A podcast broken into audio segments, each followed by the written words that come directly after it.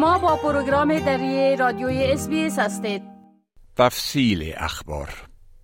صدر اعظم انتونی البنیزی می‌گوید به مردمی که در اثر آتش سوزی مرگبار در بریزبون آسیب دیدند کمک فراهم خواهد شد. این در حال است که از تخریب خانه های بیشتری در آتش سوزی مرگبار در غرب کوینزلند گزارش شده است. آتش سوزی در ناحیه وسترن داونز باعث مرگ یک نفر شده صدها نفر را مجبور به تخلیه خانه هایشان کرده و ساحه به مساحت 20 هزار هکتار را سوختانده است. با این حال عمله شدیدن خسته آتش نشانی با صدور هشدار خطر آتش سوزی شدید امروز برای مناطق دالینگ داونز و گرانایت بلت که آتش سوزی در ناحیه تارا هنوز هم خانه ها را تهدید می کند با یکی از سختترین روزهای فعالیتشان روبروند. آقای البنیزی می گوید که موری وات وزیر زراعت منطقه را بررسی خواهد کرد تا ببیند که چگونه می توان به آسیب دیدگان کمک بیشتر فراهم کرد. We are providing support. Uh, Tara's fire, as of 7.30 last night, was now at Watch and Act level. Uh, today we will have established a recovery centre in Tara. Uh, we expect some 42,000 claims as a result uh, of these fires uh, so far. Uh, Minister Murray Watt is visiting that area today to see what other support can be offered. بل شورتن وزیر طرح ملی بیمه معلولیت می‌گوید بیانیه مشترکی که توسط شش صدر اعظم سابق استرالیا در مورد جنگ غزه امضا شده است اساسا موضع حکومت فدرالی را منعکس می کند. جان هاورد، کوین رد، جولیا گیلارد، تانی ابت، مالکم ترنبول و سکات ماریسن بیانیه مشترک صادر کرده و از استرالیایی ها خواستند تا در رابطه به منازعات خارج از کشور متحد بمانند. این بیانیه را شبکه استرالیایی مدافع فلسطین محکوم کرده و گفته است که صدر زمان سابق به خود اجازه دادند تا به عنوان ابزار برای کم جلوه دادن نقض فاحش قوانین بین المللی توسط اسرائیل مورد استفاده قرار بگیرند. آقای شارتن به چینل نو گفت که ملت باید در این دوران سخت متحد بماند. The last thing um, that this country needs is division based on the terrible scenes we're seeing in Palestine and Israel. Um, Hamas wins if this country becomes divided. Mm. So, I, you know, I think the statement by the ex-prime ministers should be acknowledged. I think it reflects the pretty consistent position of the Albanese government. صدر اعظم انتونی البنیزی تایید کرده است که در سفر قریب الوقوع خود به چین موارد اختلاف با آن کشور را مطرح خواهد کرد و سوالات سخت را از رئیس جمهور چین خواهد پرسید. قرار است آقای البنیزی روز سهشنبه آینده به چین سفر کند که این اولین سفر یک رهبر استرالیا به آن کشور از سال 2016 به این سو خواهد بود. این سفر همزمان با کاهش تشنجات بین دو کشور و تقلیل تعرفه های گمرکی بر چندین مسئول استرالیایی از سوی چین صورت می گیرد.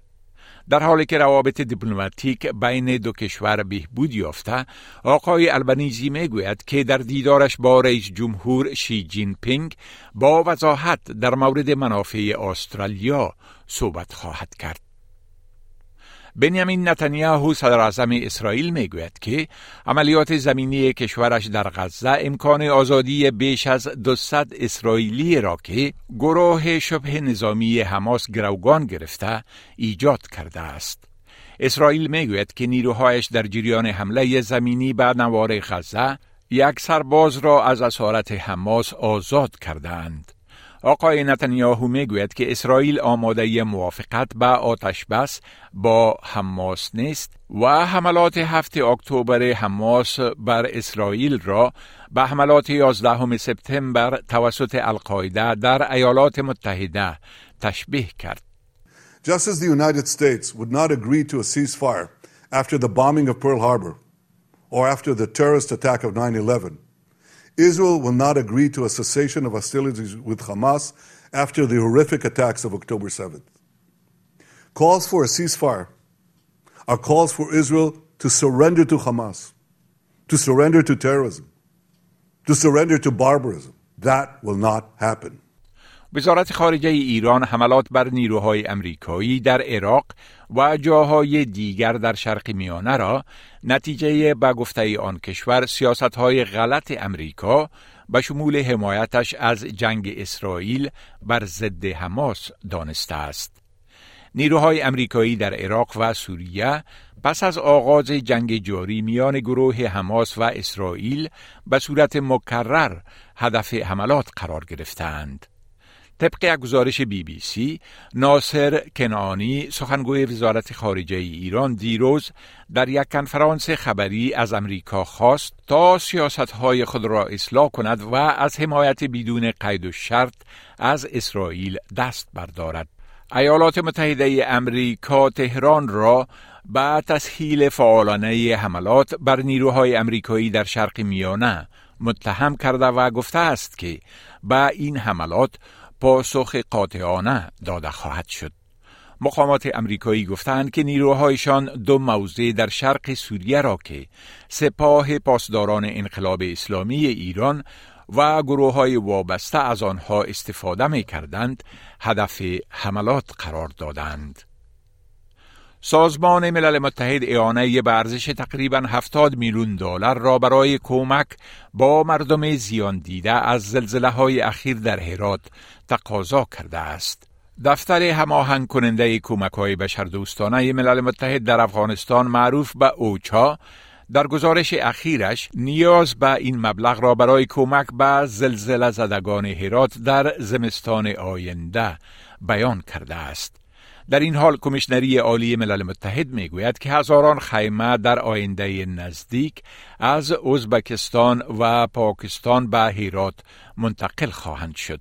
گزارش ها می‌گویند که در اثر سه زلزله با شدت 6.3 درجه ریکتر از هفتم تا 15 اکتبر در ولایت هرات و مناطق اطراف آن یک هشاری شش میلیون نفر متاثر شده و حداقل 114 هزار نفر به کمک های فوری بشری نیاز پیدا کردند.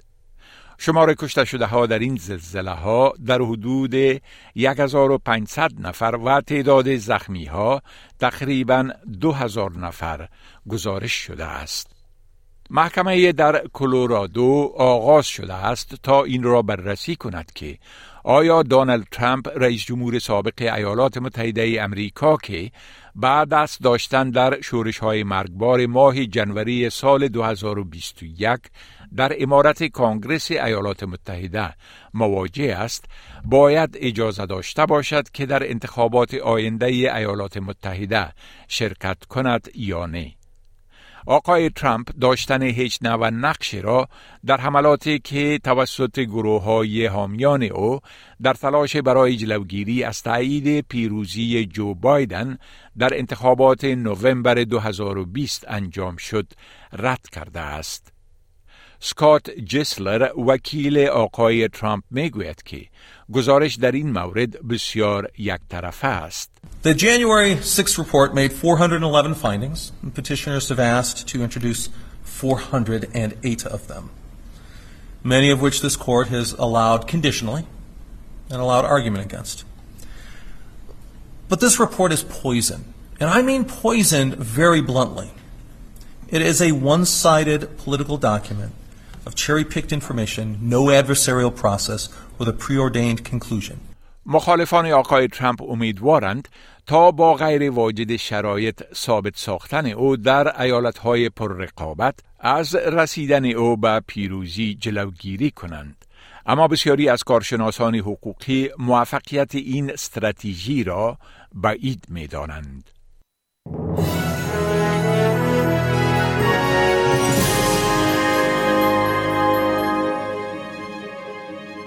حال اخبار ورزش ارزش دلار استرالیایی در برابر اسعار جهان و وضع هوا برای فردا سومین پیروزی تیم ملی کرکت افغانستان در جام جهانی کرکت در هند امید پیشروی افغانستان به مرحله semi final این تورنمنت را تقویت کرده است.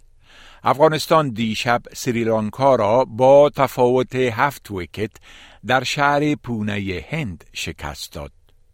تیم سریلانکا اول توبزنی کرد و با از دست دادن تمام بازیکنان خود در اوور 49 هم به انجام صرف 241 دوش موفق شد. تیم افغانستان در پاسخ با از دست دادن صرف سه بازیکن در اوور 46 توانست با نیل به هدف تعیین شده 242 دوش به پیروزی برسد. افغانستان با این سومین پیروزی در شش مسابقهش در جام جهانی جاری کرکت یک روزه در مقام پنجم قرار گرفته است. ارزش یک دلار استرالیایی در بازارهای تبادله اسعار معادل تقریبا 47 افغانی، 64 سنت امریکایی، 60 سنت یورو و 52 پنس بریتانوی می باشد. و حال پیشگویی هوا در شهرهای عمده استرالیا برای فردا.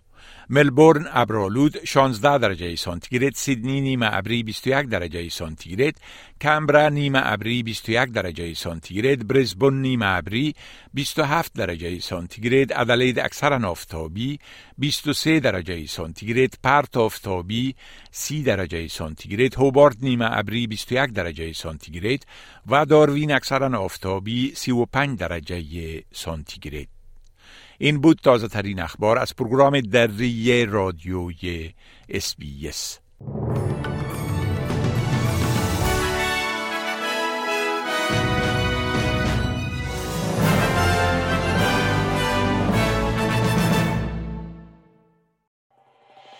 می خواهید این گونه گزارش ها را بیشتر بشنوید؟ با این گزارشات از طریق Apple Podcast، Google Podcast، Spotify و یا هر جایی که پادکاستتان را می گیرید گوش دهید.